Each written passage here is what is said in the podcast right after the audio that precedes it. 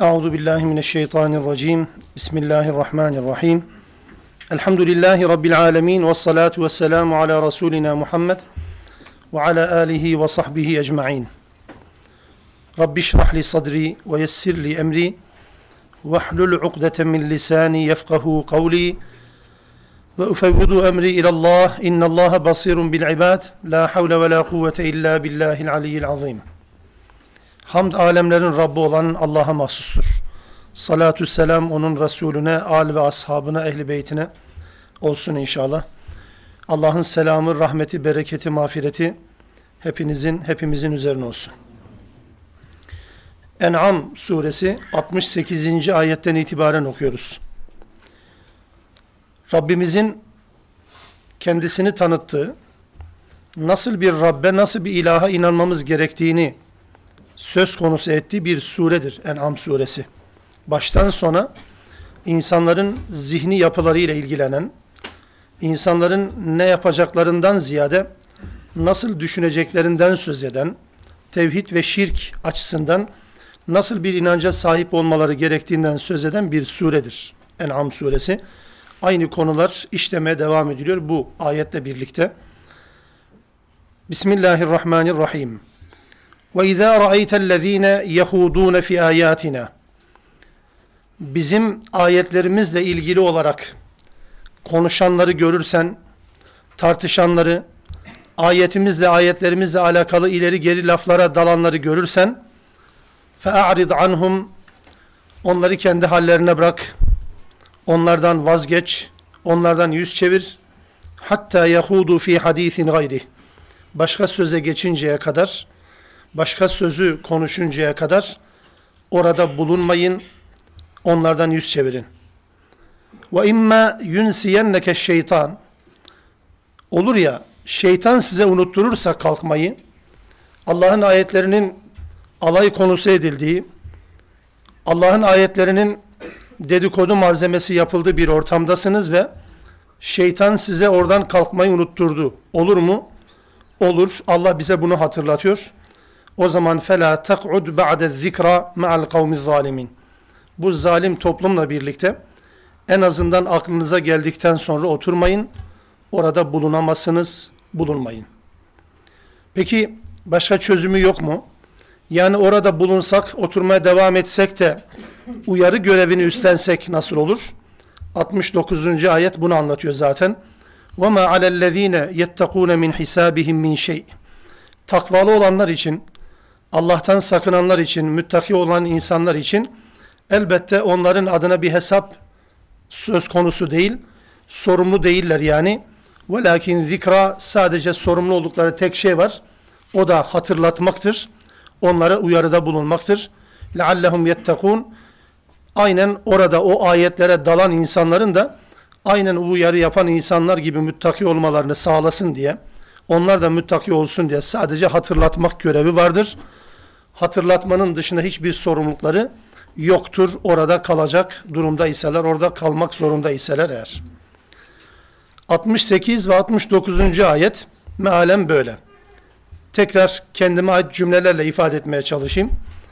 Bulunduğumuz bir ortamda bir Müslüman olarak dinimizle, mukaddesatımızla alakalı, Allah'ın dokunulmaz saydığı kimi kurallarla, kimi ilkelerle alakalı birileri ileri geri konuşuyor aleyhte konuşuyor, alay ediyor, inkar ediyor, küfrediyor, hakaret ediyor. Böyle bir ortamda Müslüman ne yapmalı sorusunun cevabını Rabbimiz En'am 68-69. ayetlerde veriyor.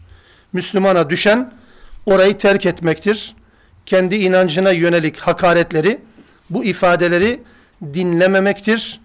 Kendisini oradan dışarı atmaktır. Bunun bir yolunu bulması gerekir.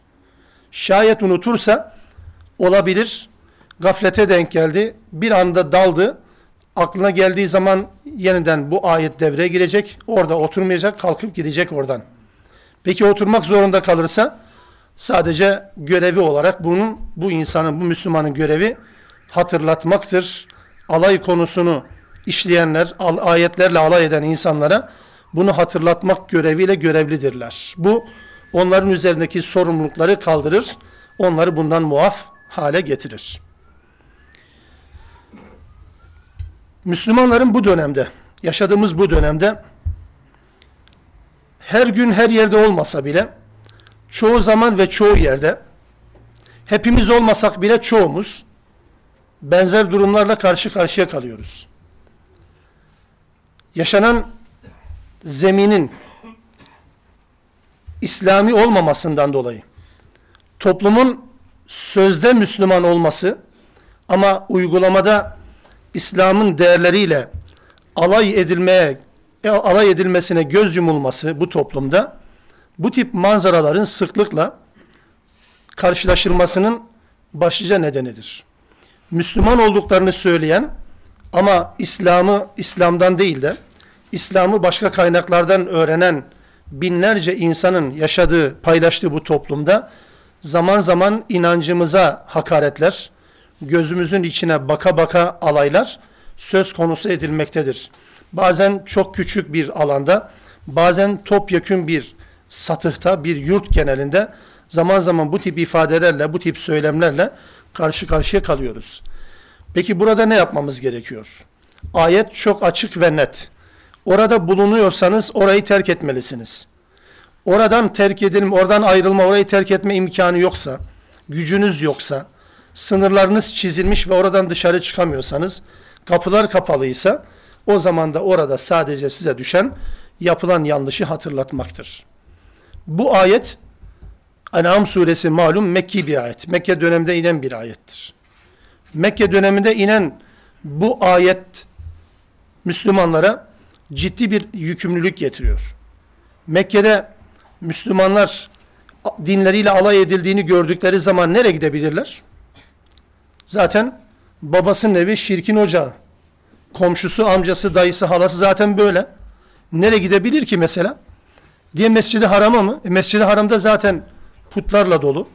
Zaten etrafında müşrikler kuşatmış Mescid-i Haram'ı. Mescid-i Haram'da da İslam yaşanmıyor ki o dönemde. Peki Müslümanlar dinleriyle alay edildiğini gördükleri zaman Mekke'nin neresine gidecekler? Tam işte böyle tıkandıkları bir noktada 68. ayetle birlikte 69. ayet onların yükünü hafifletiyor. Yani size düşen sadece söylemektir. Yapılan yanlışı hatırlatmaktır. Bu hatırlatma yaptıktan sonra göreviniz bitmiş olur. İbn Abbas'ın 68. ayetle alakalı tespitinden hareketle bunları söyledim. Çünkü İbn Abbas diyor ki 68. ayet okunduğu zaman Müslümanlar bunu okudukları zaman şaşırdılar. Nerede olabilirler ki Müslümanlar? Mescidi Haram bile, Mescidi Haram bile İslam'ın yaşanmasının imkan olmadığı bir alan. Müslümanlara ve İslam'a hakaret edilen bir alan, alay konusu edilen bir alan, ayetlerin alay konusu edildiği bir alan, bir mekan. Müslümanlar nereye gidebilirdi ki başlarının çaresine bakmaya başladıkları bir ortamda 69. ayet onların imdadına yetişti. Sonra indi anlamına değil. Bir baktılar ki o sorumlulukları böyleymiş meğer. Orayı terk etmek gibi bir zorunluluk yok. Terk edemiyorlarsa, gidemiyorlarsa, gitme imkanları yoksa sözle sadece bunu hatırlatırlar. Bu Müslümanlar için bir rahatlama nedeniydi. Mekke'de inen bu ayetlerden çok sonra Medine'de Medine döneminde inen Nisa suresinin ayetleri var karşımızda bu kez. Aynı konuyla alakalı Nisa suresinin 140. ayeti. 140. ayetinde de benzer konu işlenir. Benzer ifadelerle biraz farklılıklarla. Nisa 140. ayette ne söylenir? Medine döneminde inen bir ayet bu. Müslümanların devletleştiği, Müslümanların artık Medine'de varlıklarını hissettirdikleri bir dönem. 140 Nisa ayetinde Rabbimiz şunu söyler. وَقَدْ نَزَّلَ عَلَيْكُمْ fil kitab. Allah vahide, kitapta size şunu indirmiştir yasa olarak.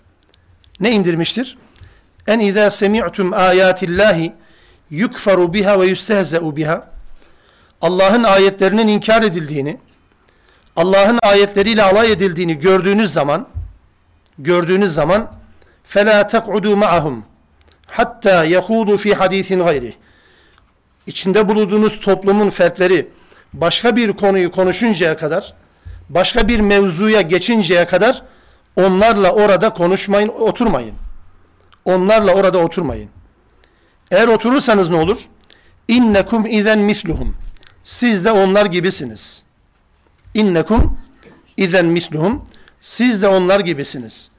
İnna Allah cami'ul münafikine vel kafirine fi cehenneme cemi'a. Allah kafirlerle münafıkları cehennemde bir araya getirecektir. Kim kafir? Kim münafık?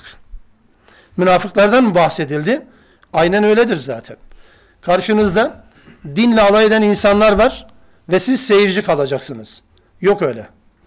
Ya Müslümansınız, uyarda bulunacaksınız, çıkacaksınız ya da onlarla birlikte kalmaya tahammül ediyorsanız, gözünüzün içine baka baka ayetlerle alay edildiğine tahammül ediyorsanız, içinize sindirebiliyorsanız, o zaman innekum izen misluhum. Siz o zaman onlar gibisiniz. Onlar kafirler. Peki münafıklar niye kafirlerle aynı yerde cehennemde? Çünkü bu durumda olan insanlar münafıkça bir tavır içerisine girmişlerdir, münafık olmuşlardır. Şimdi ne yapacağız peki? Ne yapacağız? Ayet bize sesleniyor. Mekke döneminde inen bir ayet ve sonra Medine döneminde bunun tekrarı ile alakalı bir başka ayet. İnsanlar iki pozisyondan birisi içerisinde bulunabilirler. Yani bu ayet diğerine neshetti anlamına değil. Bunu söyleyemiyorum. Öyle değil. Nesihle alakalı bir konu yok burada. Burada farklı iki tane pozisyon bir Müslüman için Müslümanın kutsal değerleriyle alay edilen bir ortamda iki pozisyon olabilir. Bir, ya gidecek yeriniz yoktur, ya gidecek yeriniz yoktur, çıkma imkanı ve ihtimaliniz yoktur oradan. Orada sözlü olarak buna müdahale eder ve söylersiniz. Değiştirmek, sonuç almak anlamda söylemiyorum bunu. Dersiniz ki bu yaptığınız yanlış, bu yaptığınız küfür, bu yaptığınız münafıklık, bu yaptığınız Allah'a isyandır. İşiniz biter, göreviniz biter. Pozisyon böyleyse. Yok çıkma ihtimali varsa sözlü olarak uyarmaktan ziyade orayı terk etmeniz gerekiyor. Ya da sözlü olarak uyarmaktan mı korkuyorsunuz? Olabilir. Olabilir. Herkes cesur olmayabilir. Bazen korkaklıklarımız olabilir. O da ayrı bir zaftır da. Hadi bu da neyse. Peki diyelim ki söyleyemediniz. Sesiniz gür çıkaramadınız. O zaman orayı da mı terk edemezsiniz? Yani orayı bırakamayacak mısınız? Orayı terk etmek zorundasınız. Değilse ben hem böyle bir ortamda bulunurum hem söylemem, uyarmam, hem ikaz etmem hem de oradan çıkmam diyorsanız cidden bunun adını ayet-i kerime bunu anlatıyor. Peki böyle insanlarla bir arada bulunmak mümkün değil mi? Bir arada bulunmak mümkün de gerçekleri, hakikatleri ortaya koymak şartıyla mümkündür. Mesela Hazreti Peygamber aleyhissalatü vesselam Necran'dan gelen bir Hristiyan heyeti Mescid-i Nebevi'de ağırladı. Onların ibadetlerini orada yapmalarına bile müsaade etti. Ve sonra Hristiyanlar bilgi almak için aleyhissalatü vesselamla konuşmak, yeni dinle alakalı bilgiler ve kendi inançlarının problemlerini konuşmak üzere gelmişlerdi. Hazreti Peygamber bunlarla konuştu. Onlarla güzel şeyler konuşmadı tabii. Onlar güzel şeyleri peygamber anlatmadılar. Onların konuştukları şeyler tamamen Kur'an'la taban tabana zıt olan şeyler. İsa'nın uluhiyetidir, teslistir. Benzeri saçmalıklar, safsatalardır. Bunların tümü konuşulurken peki peygamber beraber değil miydi? Beraberdi ama peygamber ne yaptı? Onların söylediklerinin yanlışlığını tek tek ortaya koydu. Hakim durumda olan peygamberdi, mahkum durumda olan onlardı. Yani tartışmayı yöneten, tartışmayı idare eden peygamberdi ve peygamber aleyhissalatü vesselam o insanlara, Hristiyanlara Mescid-i Nebevi'de yanlışlarını anlatıyordu. Böyle bir beraberlikse tabii ki müsait. Yani değilse bizim gibi düşünmeyen insanlarla hiçbir zaman bir arada bulunmamak gerekir gibi bir sonuç çıkmaz buradan. Öyle çıkarmadınız değil mi? Yani böyle ya bizim gibi düşünmeyen insanlarla bir arada bulunamayız gibi bir sonuç buradan çıkmaz. Tam tersine bu ayet-i kerime Allah'ın ayetlerine dil uzatmadıkları, Allah'ın ayetlerini hedef tahtasına koymadıkları, İslami değerlere saygısızlık yapmadıkları sürece, bunları yapmadıkları sürece yanlış inanç ve görüşteki insanlarla bizim dışımızdaki, bizim düşüncemizin dışında başka düşünceye sahip insanlarla bir arada olup konuşmakta bir sakınca olmadığını da gösteriyor tam tersine bu ayet-i kerime. Ne zaman bağlantılar kopar? Hakaretler başladığı zaman, sizin söz söyleme imkanı kalmadığı zaman orayı terk etmek zorundasınız ve orada buna müdahale etmek zorundasınız. Bunu anladık da Peki bizim hali pürmelerimiz ne olacak? Yani biz irademizin dışında böyle bir hengameye düştük diyelim ki. Kendi irademizle değil. Özellikle dikkatle dinlemenizi, dikkatle bu noktayı özellikle vurgulamak istiyorum. Bu anlamda dikkatinizi çekmek istiyorum. Yani gayri ihtiyari, bizim tercihimizde olmayan bir ortamda böyle bir şey yaşadık. Bunu bir köşeye koyduk da, benim asıl üzerinde durmak istediğim, kendi irademizle, kendi irademizle, kendi tasarrufumuzla, hatta bazen kendi hırslarımızla oluşturduğumuz bir ortamda, kendi hırslarımız, kendi kaprislerimiz, kendi beklentilerimiz, kendi amaçlarımız, programlarımız, planlarımız çerçevesinde oluşturduğumuz böyle bir ortamda böyle konuşmaların yapılmasına seyirci kalmanın ne kadar mazereti olur sizce? Güzel bir Müslüman olarak yaşıyordum. Dedim ki ben daha iyi İslam'ı yaşamak için bir kurum oluşturayım. Bir okul yapayım dedim. Okul yaptım. Okul yaptıktan sonra benim inancımla taban tabana zıt olan birçok şeyin de yaşanmasına seyirci oldum. Müdahale ediyor birisi. Ya niye bunlar burada yaşanıyor? Hani İslam adına bir şeyler yapacaktık. E iş bildiğin gibi değil ki. Gördüğün gibi değil, zannettiğin gibi değil. Başka şeyler bu işin içerisinde var. İnsanın gücünü aşan bazı şeyler var. Peki silah zoruyla mı yaptın bunu? Yok. Kendi inisiyatifinle yaptın.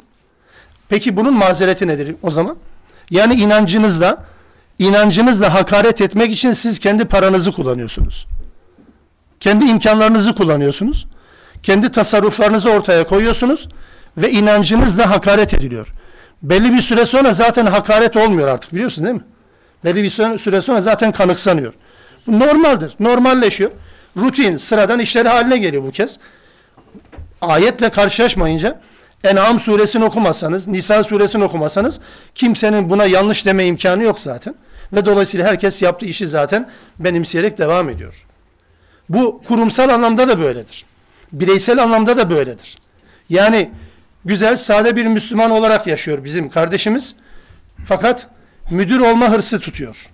İdareci olma hırsı tutuyor. İdareciliğe karşı olduğundan dolayı değil. Yani hakkıyla yapsa hadi neyse fakat o koltuğu elde etmek adına ortaya koyduğu performans neticesinde koltuk elde ediliyor. Koltuğa dört elle sarılıyor ve bu koltuğun gitmemesi adına bütün olumsuzluklara seyirci kalabiliyor, içine atabiliyor. Ne adınaydı peki bu? Kendiniz mi oluşturdunuz yoksa siz sizi mi buldu böyle bir olay? Kendiniz mi oluşturdunuz yoksa böyle bir manzara sizi mi buldu? Mecbur mu kaldınız? Onun için hadi kendi inisiyatifimiz olmayan, kendi irademizin dışında gerçekleşmiş olan böyle bir ortamda bir yere kadar mazeret olabilir. Yani vallahi korkuyordum söyleyemedim. Anladım bunu.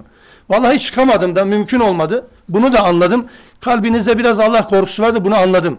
Ya peki kendi oluşturduğunuz mekanlarda, kendi oluşturduğunuz dört duvar arasında, kendi oluşturduğunuz mahfillerde bu yanlışlara ne diyeceksiniz?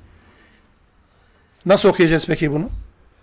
Sizin inançlarınızla alay edilen, hakaret edilen, inancınızın reddedildiği bir şeyle şahit olduğunuz zaman onlar orayı terk edinceye kadar, başka konuşmaya geçinceye kadar orada oturmayın. Kime diyeceksiniz bunu? Siz kendiniz oturttunuz, kendiniz davet ettiniz yani. Peki böyle bir ortamda hiçbir şey yapılmaz o zaman. Bilmem onu. onu konu uzmanı değilim. Yapılmayacaksa ben başkasının ah, dünyası için kendi ahiretimi heder etmem. Hiçbir Müslümana da bunu tavsiye etmem. Başkalarının dünyasını ben mamur edeceğim. Başkalarının dünyasını imar edeceğim. Başkalarının dünyasını çok güzel hayat standartlarına bağlayacağım. Benim ahiretim de gidecek. Yok böyle bir din anlayışı ki. Onun için bu ayetleri okuduğumuz zaman irademizin dışındakileri bir yere koyalım da irademizle oluşturduğumuz bu tip konuşmaların ortasında kendimizi buluyoruz ya da bu konuşmaların yapılmasına kendimiz alet ve araç oluyorsak o zaman burada ciddi anlamda düşünmek lazım. Acaba innekum izen misluhum kiminle alakalı? O zaman siz onlar gibisiniz. Münafıklarla kafirleri aynı yerde toplayacağız ayeti acaba kime yöneliktir? Ne söyleyebiliyorsunuz ne çıkabiliyorsunuz. Hatta bu ayetle alakalı şöyle bir şey de söylenir. Böyle bir mekandan çıkmanız gerekiyor öyle mi? Numara yaparak çıkamazsınız. Numara yaparak çıkmak kişiliksizliktir. Yani telefon gelmiş numarası yaparak çıkmak. Geçen bunu söyledim de dediler ki hocam daha teknik şeyler çıktı. Yalancı arama tuşları yapılmış telefonlara. Tuşa basıyorsun dışarıdan aranmış gibi yapıyorsun. Hiç zora girmeden karizmayı çizdirmeden, çaktırmadan çıkma imkanı sunuyorsun kendi kendinize. Yani telefon geldi numarasıyla çıkıyorsunuz.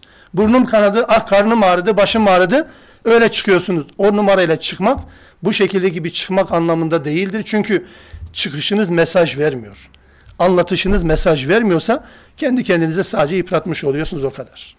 Onun için burada münkeratla alakalı, yaşanan olumsuzluklarla alakalı, özellikle bu olumsuzların söz boyutuyla, konuşma boyutuyla alakalı Müslümanların son derece dikkat etmesi gerekir.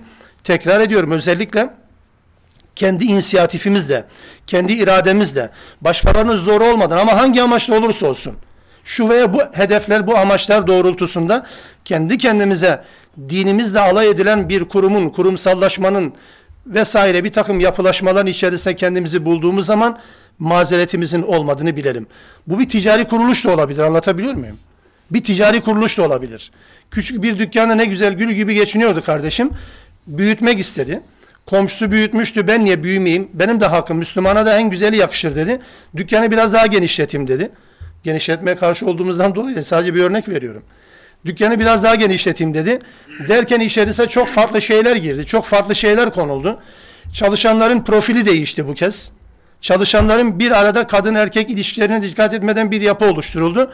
Ve bizim Müslüman patron işveren de ne güzel iş imkanı sağladım diye Allah'a hamd edecek. Ne güzel değil mi?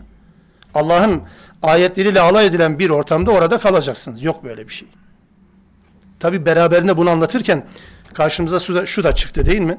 Yani illa da bir konuşma biçiminde olması da gerekmiyor. Burada özelde böyledir de özelde bir konuşma ortamıyla alakalıdır ama genelde bir tavırla da alakalıdır. Yani bir düğüne mi gittiniz? Bir Müslümanın düğününe. Müslüman sizi çağırdı, düğüne davet etti. Siz de cidden ya bu kardeşi tanıyoruz yıllarca bir yanlış yapacak değil ya dediniz.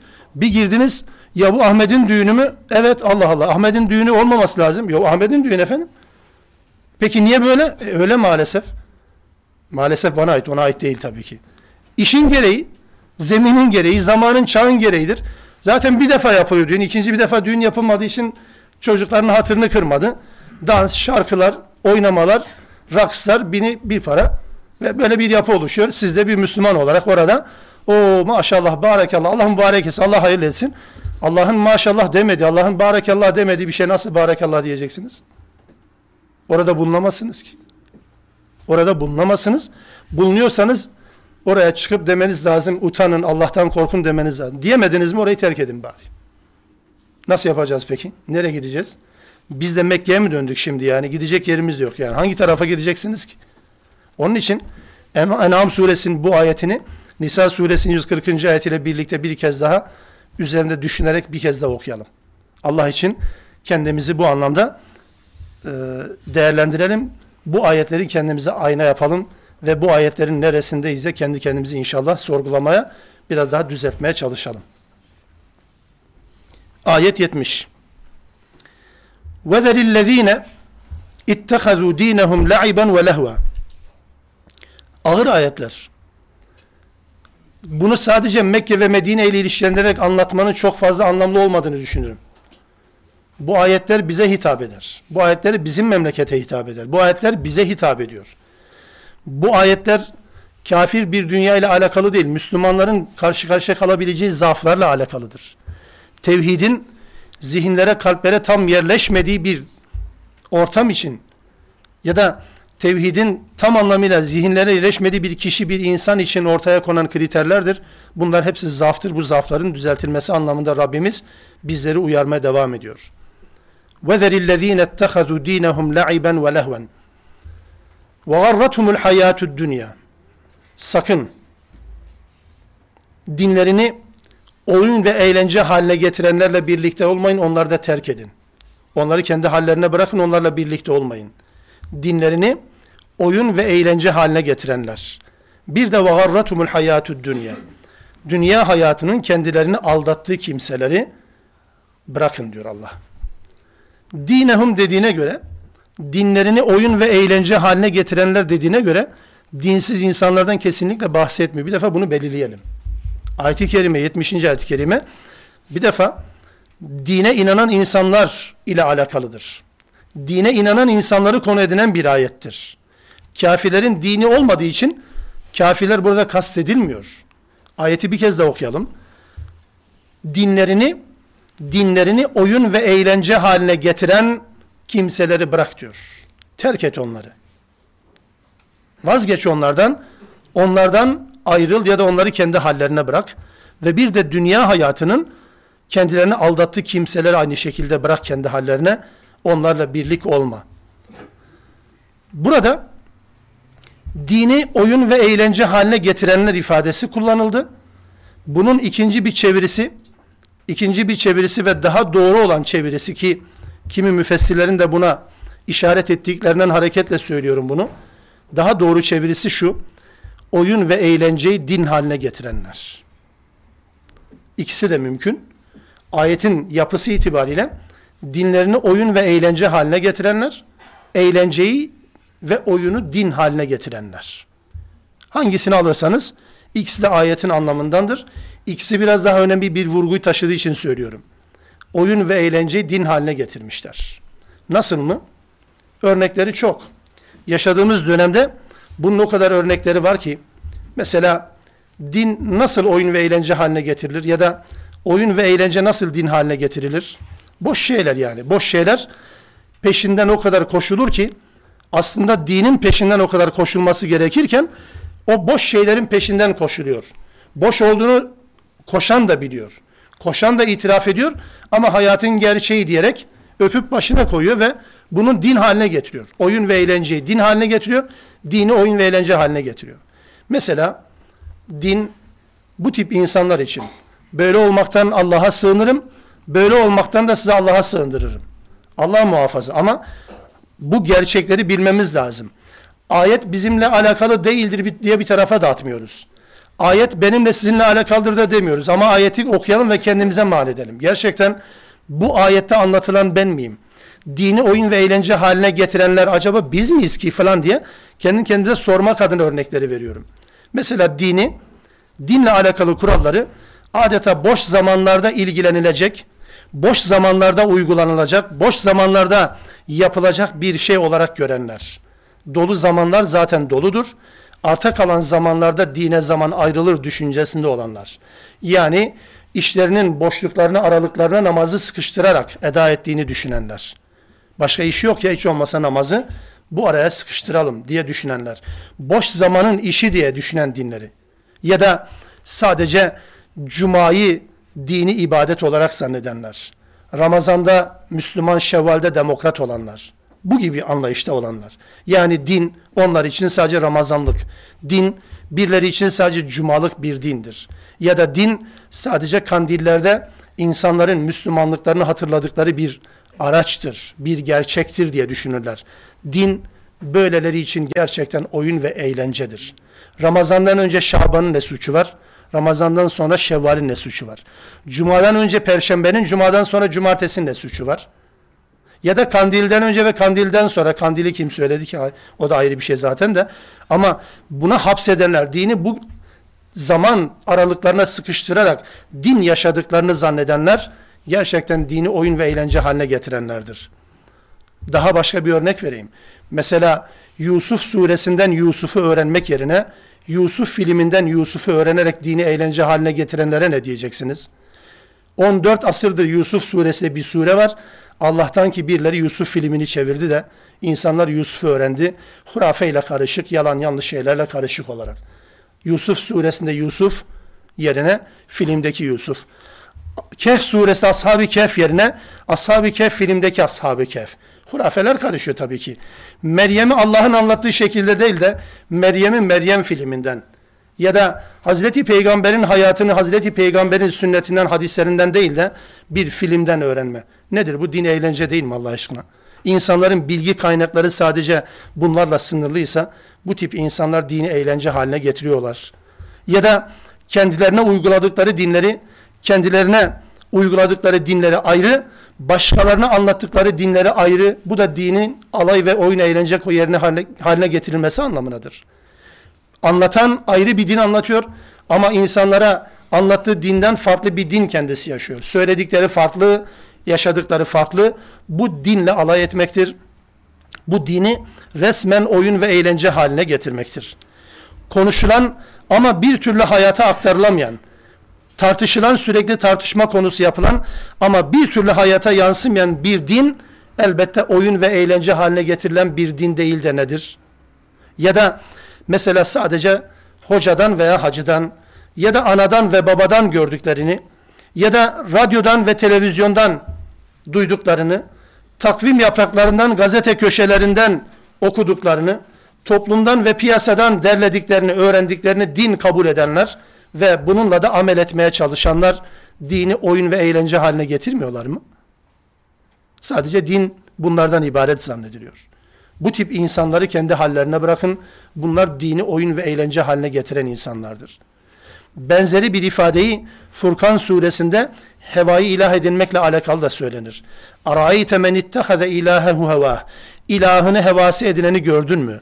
Ya da hevasını ilah edineni gördün mü? Çift taraflı bir tercüme aynen orada da yansır. Hevasını ilah edineni ya da ilahını hevası edineni gördün mü? Aynı yapıdır. Nasıl yani? Kendi kafasına göre bir din anlayışı oluşturuyor ve bu din anlayışı kendince en mükemmel din anlayışıdır. Allah beni cennete koymayacak da kimi cennete koyacak noktasına kadar vardırıyor neticede. Bu dinin oyun ve eğlence haline getirilmesinden ibarettir. Bir bunları bırak diyor Allah. وَذَرِ الَّذ۪ينَ اتَّخَذُوا د۪ينَهُمْ لَعِبًا وَلَهْوًا Dini oyun ve eğlence ya da oyun ve eğlence din haline getirenleri bırak kendi hallerine. Bir de وَغَرَّتْهُمُ الْحَيَاتُ الدُّنْيَا Dünya hayatının kendilerini oyaladığı, aldattığı, kandırdığı kimseleri de bırak. Dünya hayatının kendilerini aldattığı ne demek? Dünya hayatının aldattığı insan tipi nasıl oluyor? Yani bu nasıl bir aldanış, nasıl bir şey ki bu? Hani dünya bizi aldattı acaba kim bu? Örnek nerede? Yok ki bulamıyorsunuz. Çünkü hiç kimseyi dünya aldatmış değil ki. Ama mesele o değil bakınız. Dünyanın aldatması ne anlama gelir? Bir insanın değer verdiği şey neyse en kutsal o değil mi Allah aşkına? Değer verdiği, en çok değer verdiği şey onun en çok kutsal tanıdığı şey değil midir? Mesela uğrunda feda edeceği, uğrunda her şeyini feda edeceği tek varlığı nedir? Malı mıdır? Serveti midir yoksa dini midir? Burada ortaya çıkar zaten. İnsanların bu anlamda neye değer verdiklerine bakarsanız onların neyin oyaladığını da fark edersiniz zaten. Neye değer veriyorlarsa o onları oyalıyor, o insanları oyalıyor demektir.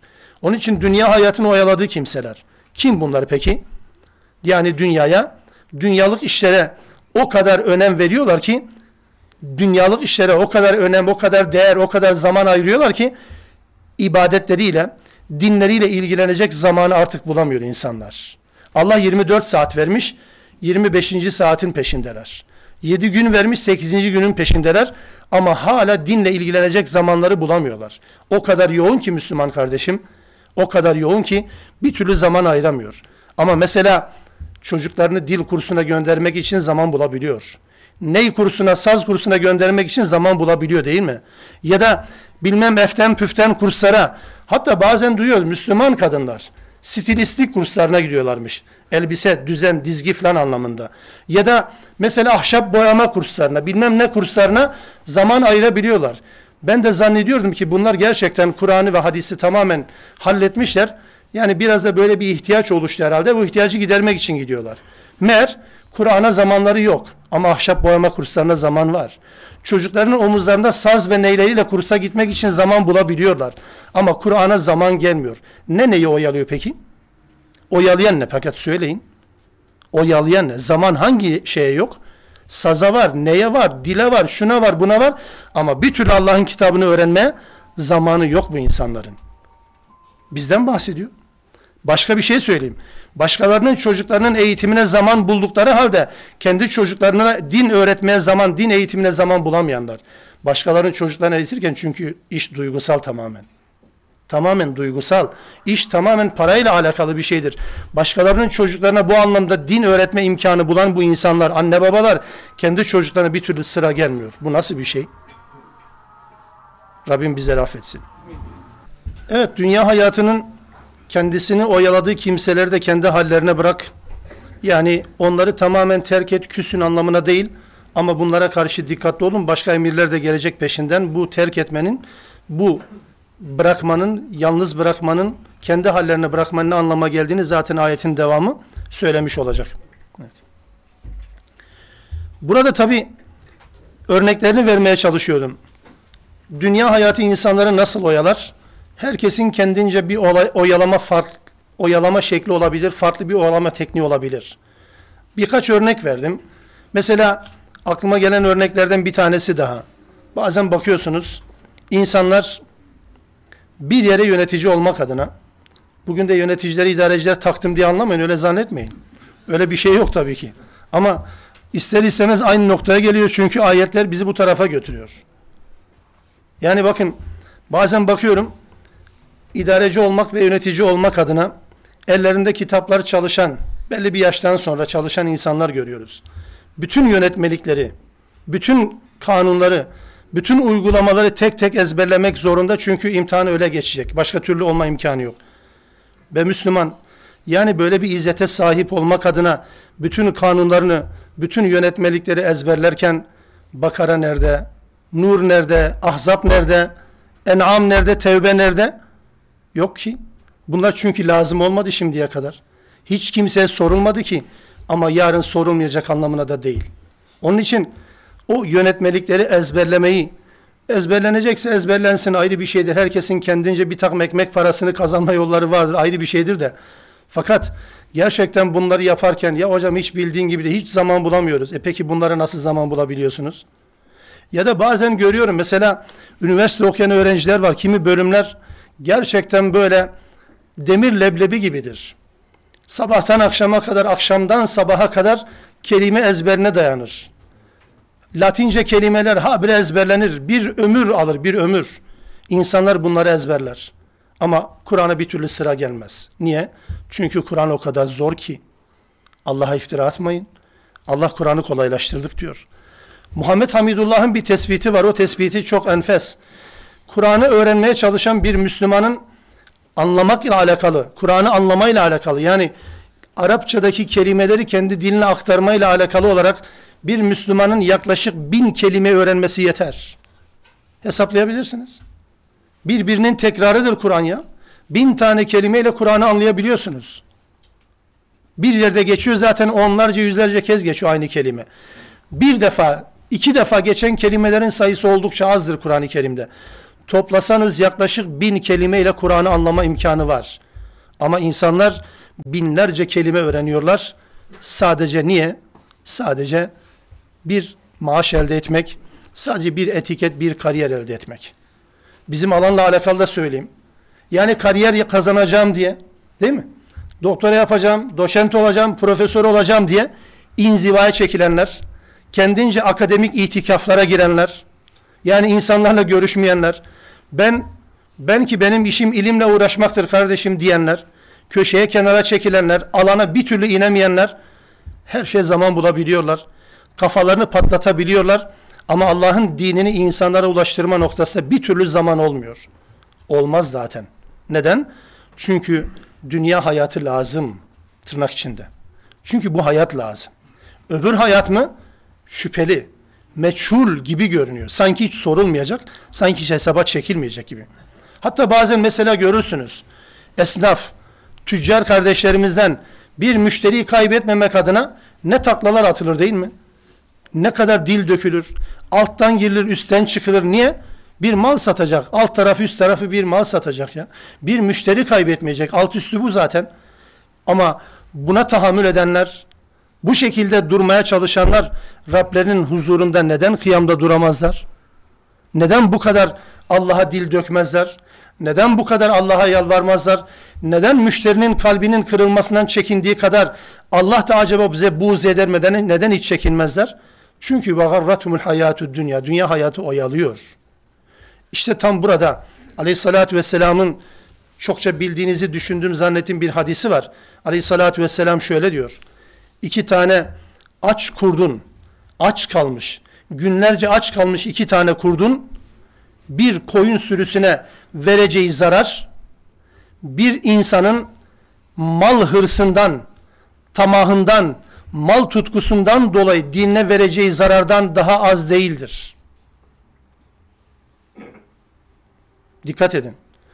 Bir kurdun bir sürüye vereceği zarar bir tarafta, bir de mal hırsına, mal tutkusuna sahip olan bir Müslümanın dinine vereceği zarar. Hangisi fazla? Mal hırsından dolayı dine verilen zarar bir kurdun sürüye verdiği zarardan çok çok çok daha fazladır. Aleyhissalatü vesselam bunu böyle ifade eder. Neden? Çünkü bir defa hedefe kilitlenmiş insan, bir defa bir yere varmak zorunda. O hedefe varmak adına bütün vasıtalar meşru görülmeye başlandıysa o insandan hakikaten korkulur. Bir kurdun sürüye saldırmasından daha çok böyle bir insandan korkulur peygamberin ifadesiyle. Peki ne yapılacak bunlara? Yani dünya hayatının kendilerini oyaladığı, aldattığı ve bu aldanış içerisinde hayat süren bu insanlar ve de dinlerini oyun ve eğlence haline getiren ve eğlenceyi oyunu din haline getiren bu insanlara ne yapılacak? Ve zekkir bih. Kur'an'la bunları uyar. Bu insanlara Kur'an'la uyarda bulunacak. Bırakın demek bu zaten. Yani bunlarla uyarılmadan yanlarında durulmaz. Kur'an hatırlatılmadan olmaz. Ne diye Kur'an hatırlatılacak bunlara? En tübsele nefsün bima kesebet. Hatırlatılacak ki herkes kendi işlediklerinden dolayı yarın Allah'ın huzurunda rehin alınacak. Herkes kullu nefsin bima kesebet rahine. Her nefis kendi yaptıklarından dolayı Allah'ın huzurunda rehin tutulacaktır. Bu hatırlatılsın. Leyse leha min dunillahi veliyyun ve la. Herkesin kazandıkları ortaya dökülecek. Kimin çocuğudur? Kimin hizmetçisidir? Kime mensuptur? Nereden gelmiştir? Hangi aileye mensuptur? Yok bunlar. Hiçbir velinin, hiçbir şefaatçinin şefaati de kabul edilmeyecektir. Allah'ın berisi hiçbir yardımcı yok. Hiçbir şefaatçi de yoktur. Ve in ta'dil kulle adlin la yu'khadu minha. La yu'khad minha. Bütün dünyayı fidye olarak verse, bedel olarak ortaya koysa bu ondan kabul edilmeyecek, reddedilecektir. Bu fedakarlık dünyada lazımdı. Ahirette bu fedakarlık olmaz. Zamanı geçti onun. Böyle fedakarlığı insanlar ahirette yapmaya çalışıyorlar. Bu fedakarlık dünyada olsaydı iş yapacaktı. Mallarını feda etseydi iş yapacaktı. Zamanını feda etseydi iş yapacaktı. Ama bu fedakarlığı insanlar yanlış zamanda yapıyorlar. Ahirette bütün her şeyi koyuyor. Daha önce geçmişte hatırlarsanız bir dünya bir o kadar daha dünya koysa yine kabul edilmez. Dahası dünya ne? En sevdiklerini kendisinin yerine listeye koysa ben karım, benim çocuğum, benim annem, benim babam, benim kardeşim, benim aşiretim, bütün insanlar, bütün akraba, bütün memleket, bütün hemşerilerim hepsi benim yerime girsin bir tek ben girmeyeyim diyecek insanlar. Diyecek tabi Ma'ariç suresine göre. Diyecek insanlar mücrimse eğer o azaba gireceğini anladıysa eğer bütün sevdiklerini sıraya koyacak. Hepsini satacak bakınız. Hepsini sıraya koyup satacak. Mal ne ki?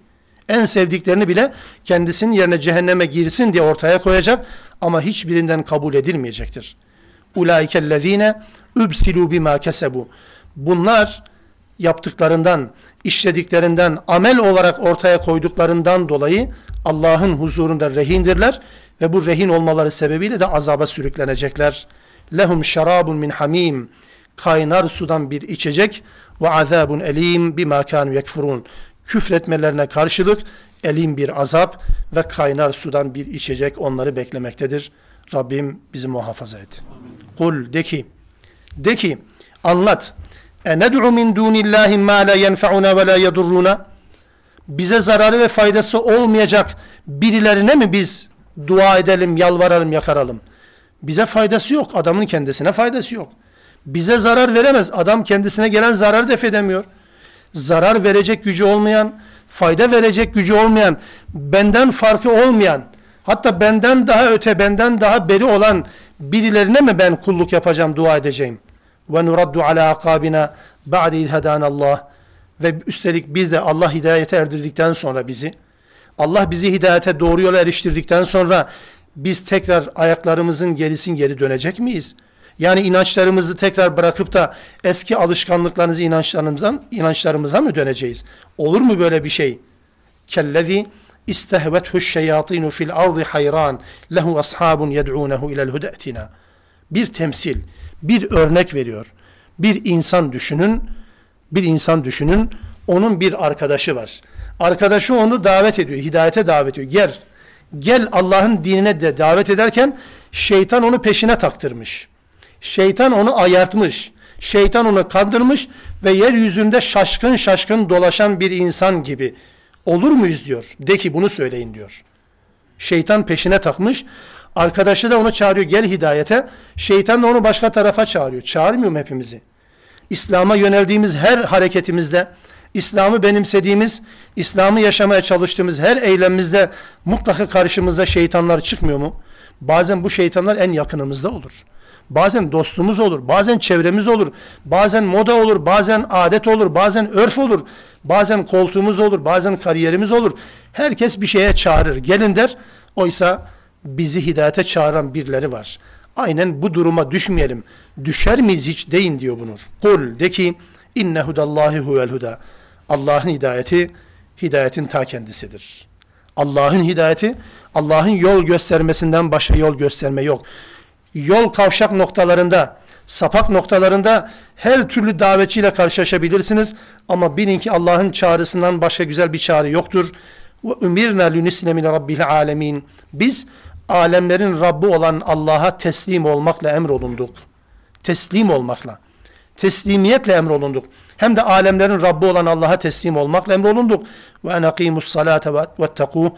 Namazı kılmakla emrolunduk. Takvalı olmakla emrolunduk. Ve huvellezî ileyhi tuhşarun. Çünkü hepiniz hepimiz ona döneceğiz. Hepiniz ona döneceksiniz. Onun huzurunda toplanacak ve hesap vereceksiniz. Dolayısıyla Rab bize bunu emretti. Sadece ona teslim olmak ve sadece ondan sakınmak ve bu kadar işin içerisinde bakın bu kadar düşünce beyin fırtınasının içerisinde Allah getirdi namazı kılmayı ifade etti. Kur'an-ı Kerim'i açın bakın sayfalarda. Allah talaktan bahseder, boşanmadan bahseder. Bir bakarsınız tam işin ortasında orta namazına dikkat edin, namaz kılın der. Allah şirkten, tevhidden bahseder. Bir bakarız tam ortada gelir. Aman ha namaz kılın. Akideden, inançtan bahseder eder. Aman ha namaz kılın, müşriklerden olmayın der. Rum suresindeki gibi. Namaz kılın ve müşriklerden olmayın der. Neden? Çünkü insanı ayakta tutacak yegane ibadet namazdır. Namaz yoksa, namaz yoksa bir insanın kendince tırnak içinde söylüyorum çok faziletli amelleri olabilir. Çok erdemli davranışlar olabilir. Ama namaz yok mu? Kusura bakmayın ayakta duramaz. Hiçbir erdem, hiçbir fazilet, hiçbir davranış bir insanı namazın ayakta tuttuğu gibi tutmaz. Onun için Kur'an-ı Kerim'in konuların akışı içerisine yerleştirdiği tek ibadettir namaz. Şunu şunu yapın, bundan kaçının, şöyle düşünün derler. Aman namazı kılın. Aman namaza dikkat edin.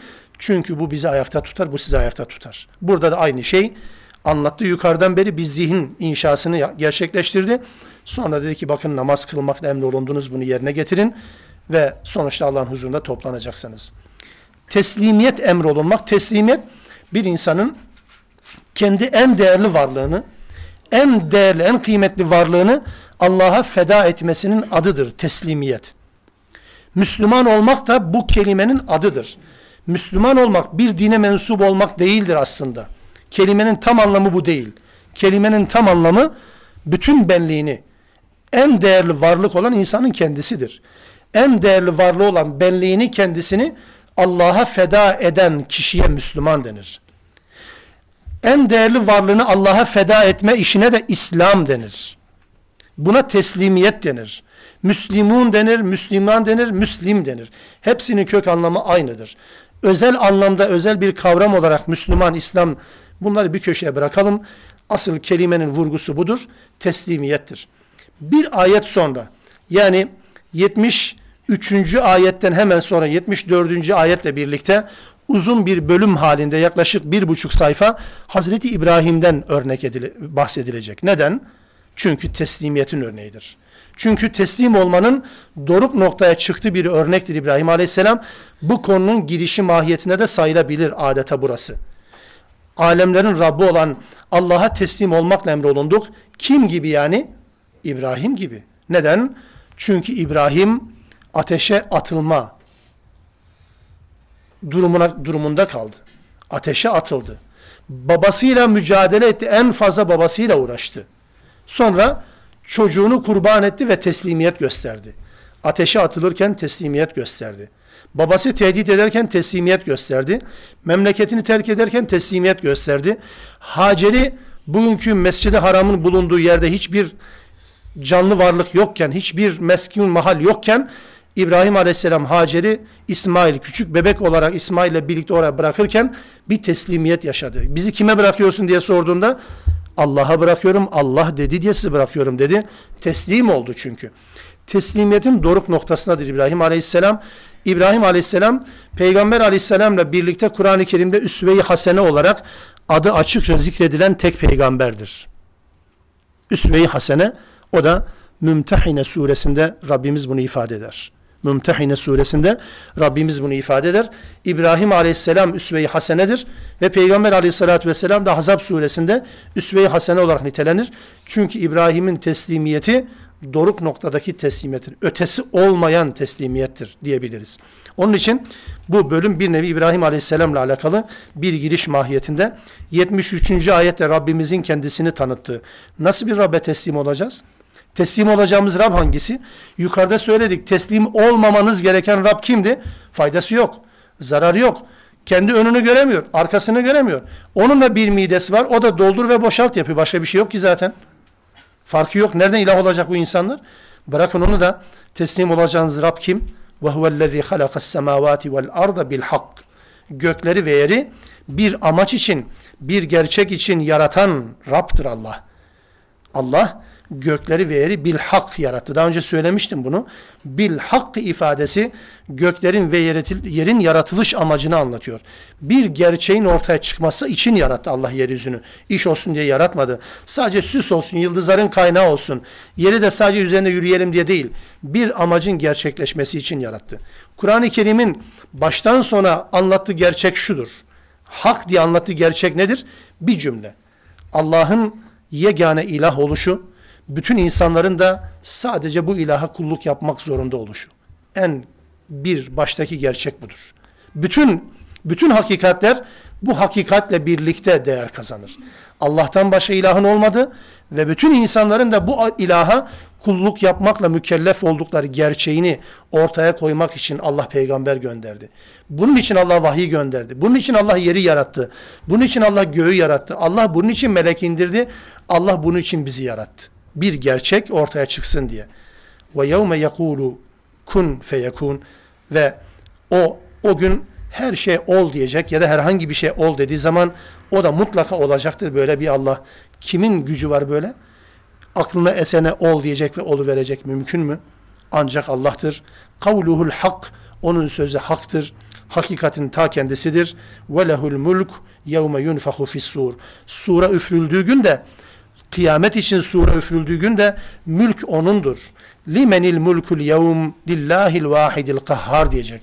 Bugün mülk kimin? Bugün hakimiyet kimin? Bugüne kadar birçok hakim vardı hayatta. Bugüne kadar birçok egemenlik kurma iddiasında olanlar vardı. Ama sure üfürüldüğü gün kıyamet günü hakim kim? Ortak bir ses koro halinde lillahil vahidil kahhar. Kahhar olan ve tek olan Allah'ındır mülkiyet. Ama bu sözü o gün söylemenin bir anlamı kalmıyor. O söz hayattayken söylenmesi gerekiyordu. Dünyadayken söylenmesi gerekiyordu. Hani mezarın başında gideriz ya, mezarın başında söylerler ya Rabbin Allah'tır diye, kitabın Kur'an'dır diye, peygamberin Muhammed Aleyhisselam'dır diye aşağıdaki elini sallıyordur muhtemelen. Niye sallıyordur? Çünkü iş değişik zannettiğiniz gibi değildir diyecek. Oradaki Rabbi kimse sormuyor ki. Oradaki peygamberi kimse sormuyor ki. Oradaki kitap zaten herkes için aynı değişmiyor ki. İnsanlar dirildikten sonra Allah'ın Rablığını tartışmaya açan bir tek insan kalmıyor ki zaten. Yok böyle bir örnek zaten. Herkesin Rabbi Allah'tır. Rabbin kim diye sorulduğu zaman yanlış anlama. Oradakini sormuyor, dünyadakini soruyoruz diyecekler. Onun için o gün mülkiyet Allah'ındır. O gün hakimiyet egemenlik Allah'ındır. Sure üfürüldüğü gün alimul gaybi ve şehade. Gaybi bilendir şehadeti zaten bilendir. Yani görünen, insanın zihninin kavradığı, kavrayış alanına giren, algılayabildiği, idrak edebildiği şeyleri bildiği gibi insanın idrakini aşan şeyleri de bilendir. Gaybi bilendir. Daha önceki derste de aynı ifadeyi kullanmıştı Rabbimiz. Ne demişti? İndehu mefatihul gayb. Bütün gaybin anahtarları ona aittir. La ya'lemuha illa hu demişti. Ondan başka kimse bilmez gaybın anahtarlarını. Gayb diye nitelenen şeyler Allah'ın dışında kimse bilmez. O gaybı da bilendir, şehadeti de, hazırı da bilen, hazırda olmayan da bilendir. Ve huvel hakimul habir. O her şeye hükmedendir ve her şeyden haberdardır. Teslim olacağınız Rab böyleyse Rab'be teslim olun. Ama yok ki Allah'ın dışında böyle bir Rab olmaz. Allah'ın dışında böyle bir özelliğe sahip kimse olmaz. Mutlaka eksikleri vardır. Onun için böyle bir Rabbe Allah teslimiyetimizi emrediyor ve biz de bu emrin muhatabıyız. Rabbim bu emrin muhatabı olarak bizlere bu bilinci, bu gücü, bu takati versin inşallah. 74. ayet-i kerime ile birlikte İbrahim Aleyhisselam konusu gündeme gelecek. Şimdiden bir cümleyle söyleyeyim. Sonraki derste bunu tekrar izah edeceğim ama İbrahim Aleyhisselam'ın En'am suresi anlatılan bu bölümü özellikle özellikle Allah'ı bilme örneği değildir. Allah'ı bilme örneği değil. Bunun altını çiziyorum. Nedir ya peki? Tevhid ve şirki anlatma ve bildirme örneğidir. Allah'ı bilme örneği diye anlatıla anlatıla bitirilemeyen bir bölümdür. Bunun yanlış olduğunu, bunun bu bölümle alakasının olmadığını altını çizelim. Yani İbrahim yıldızı gördü, İbrahim ayı gördü, İbrahim güneşi gördü. Bu benim Rabbim dedi. Sonra her bir batanın arkasından birisi doğdu. Ondan sonra Allah böyle bulunur. İnsan demek ki tefekküre dalması lazım. Allah'ı böyle bulacak. Konu bu değil kardeşim ya. En'am suresinin konusu bu değildir. Allah'ı bilme konusu değildir. Tevhidi ve şirki bilme ve bildirme konusudur. Onun için burada İbrahim Aleyhisselam'ın bu hayatta yaşadığı bu olay bize aktarılmış olacak. Tamamen tevhid ve şirkin tespitiyle alakalı bir bölümdür. Rabbim okumaya, anlamaya muvaffak kılsın inşallah. Subhaneke Allahümme bihamdik. Eşhedü en la ilahe illa ente estağfiruk ve etubu ileyk.